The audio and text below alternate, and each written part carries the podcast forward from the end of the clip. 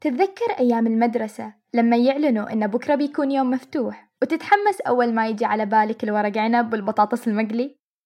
أو تتذكر الزحمة اللي كانت تصير وقت الفسحة عند المقصف؟ في مرة سألت نفسك ليش إحنا نحب الأكل لهالدرجة؟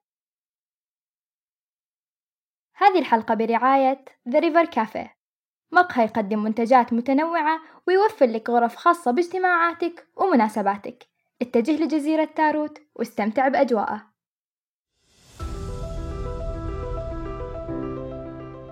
من أبواب المعرفة اللي تاخذنا لآفاق بعيدة وواسعة تلامس أطراف المستقبل. هنا بودكاست مد من إنتاج مستقبلي.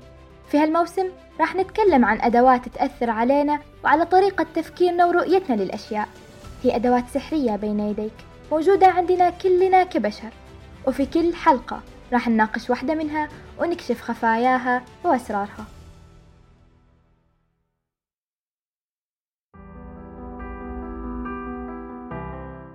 ليش نحب الأكل لهالدرجة؟ أكيد أول إجابة بتخطر على البال هي إن إحنا نحتاج الطعام كمصدر للطاقة عشان نعيش ونمارس حياتنا بصورة طبيعية. لكن هذا لوحده مو تفسير كافي لمقدار معزتنا للأكل. واحد من أسباب هالمعزة قد يرجع إلى أن إحنا أول ما نحط الأكل بفمنا دماغنا يفرز هرمون الدوبامين ومو بس مرة بل يدبلها لما الأكل يدخل المعدة. والدوبامين له دور في الشعور بالسعادة ولهالسبب ممكن نحب الطعام لأنه ببساطة يجعلنا سعيدين. السبب الآخر قد يرجع إلى كوننا كائنات اجتماعية والأكل جزء من العادات اللي تميز كل مجتمع.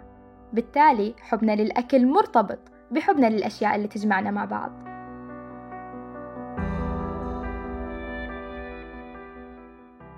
خلينا نرجع بالزمن للخلف وناخذ طلة على طريقة حياة أسلافنا اللي كان أكبر همهم وش بيأكلوا اليوم.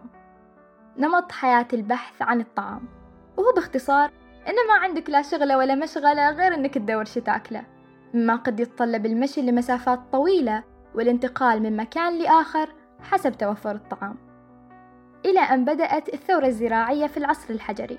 واللي مكنت الإنسان من الاستيطان وتكوين المجتمعات والتكاثر بعدد أكبر وقللت احتمالية الموت من المجاعات بسبب الكوارث الطبيعية مثل فترات الجفاف والفيضانات وأيضا وفرت الوقت وفتحت المجال للتوسع في قطاعات أخرى مثل الرعي والأدب والموسيقى وغيرها الكثير. يعني نقدر نقول إن لو لوفرت الأكل اللي غالبا نعيش فيها أنا وأنت لما توفرت عندنا فرصة الاستماع لهالحلقة فغالبا بنكون قاعدين ندور أكل. نتيجة لوفرة الطعام اللي نعيشه في السنوات الأخيرة ظهر نوع جديد من الإدمان. ومن الطبيعي أن يلجأ تفكيرك إلى الكحول والمخدرات بعد سماعك لكلمة إدمان لكن لا. الإدمان اللي نقصده هو إدمان الطعام. وهو عبارة عن حالة عجز عن السيطرة على رغبة الشخص في تناول الطعام. بحيث يستمر في تناول كميات كبيرة منه حتى دون شعوره بالجوع. بصفة شائعة يقتصر إدمان الطعام على الوجبات السريعة والأطعمة اللي تحتوي على السكر والقمح.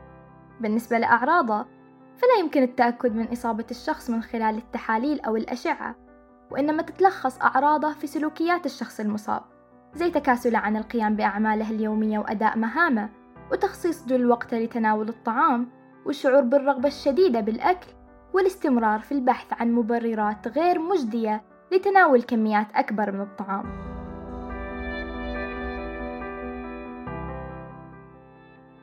أما آلية حدوثة فتتم بنفس منوال إدمان المخدرات حيث إنه يستهدف نفس الناقلات العصبية في دماغ الإنسان وزي ما ذكرنا سابقا تناول الأطعمة المحببة للشخص يأثر على مراكز المكافأة في الدماغ وبالتالي يحفز إنتاج مادة الدوبامين اللي بدورها تترجم عملية تناول الطعام إلى شعور بالنشوة والسعادة.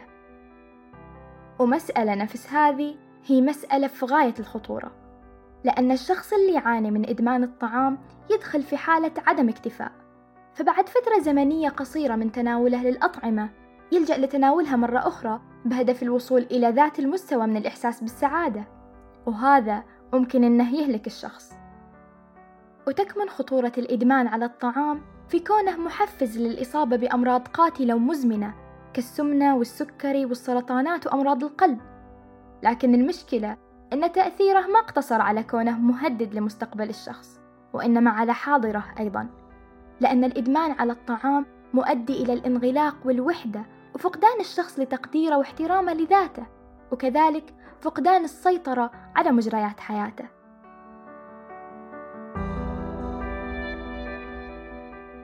محاولة تحسين الأطعمة اللي ناكلها مستمرة إلى يومنا هذا ابتداء من التغلب على خوفنا من النار واللي ذكرناه في الحلقة السابقة وإلى اكتشاف القارتين الأمريكيتين. كانت البهارات في القرن الخامس عشر الميلادي زيها زي اليخوت وساعات الرولكس اليوم منتجات للطبقات الرفيعة من المجتمع والحصول عليها دلالة على الغنى والرفاهية. ولهالسبب كان كريستوفر كولومبوس يدور على طريق أسرع للوصول إلى الهند موطن البهارات. عبر المحيط الأطلسي ووصل لوجهته اللي اتضح فيما بعد إنها مو الهند ولا حتى شي قريب منها. هو صحيح إنه ما حصل بهارات بس على الأقل اكتشف قارتين جديدتين. ومن كثر ما إن البهارات كانت ساحرتنا ما كان هذا الحدث التاريخي الوحيد المتعلق فيها.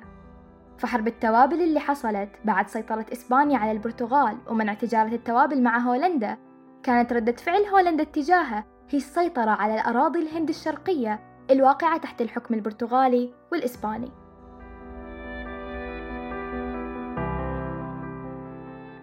إذا كانت فكرة الحرب على بهارات غريبة بالنسبة لك فاسمع اللي أغرب منها.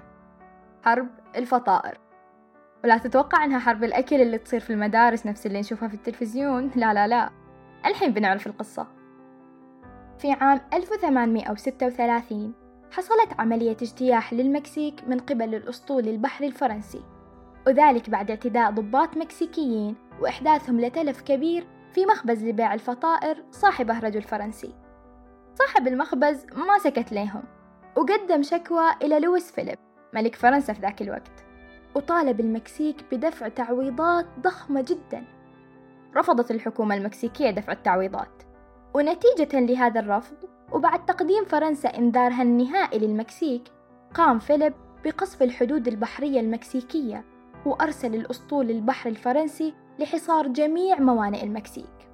وبعد استمرار الحرب لثمانية أشهر استسلمت المكسيك.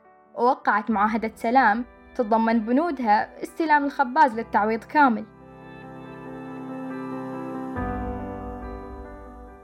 ما كان الطعام مجرد عامل مؤثر في إشعال بعض الحروب بل إن حروب الطعام استعملت كوسيلة عسكرية حيث يعد التجويع المتعمد سلاح ضد العدو كما حدث في نهاية التسعينات في عدة دول مثل الصومال وأنغولا.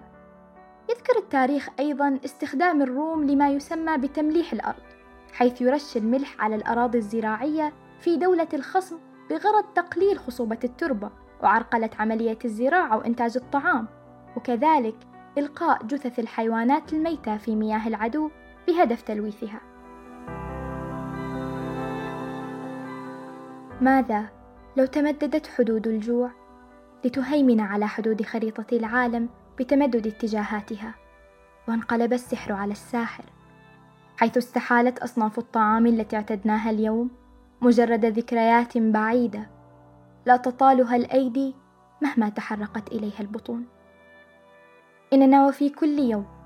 ندفع الثمن باهظا لاستهلاكنا المفرط للأغذية.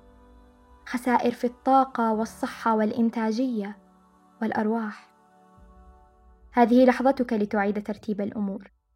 بتخير ما يدخل في جوفك فيؤثر على عقلك وجسمك وسلوكك. وبحفظ الطيبات التي رزقت. تذكر أن كل قرار تتخذه كفرد يؤثر على الحاضر وعلى المستقبل. فأنت تمتلك أداة سحرية بين يديك. هذه الحلقة هي ختام الموسم الثاني من بودكاست مد. تعرفنا في هالموسم على أدوات سحرية تأثر علينا وعلى طريقة تفكيرنا ورؤيتنا للأشياء. نتمنى تكون هذه الحلقات ساهمت في إبصارنا وزيادة امتناننا للأدوات السحرية اللي نمتلكها أو على الأقل خلتنا نلتفت ولو للحظة. لا تنسى تشارك هذه الحلقة مع صاحبك اللي وعدنا بعشاء من سنتين. تابعنا على مواقع التواصل الاجتماعي. حساباتنا في وصف الحلقة.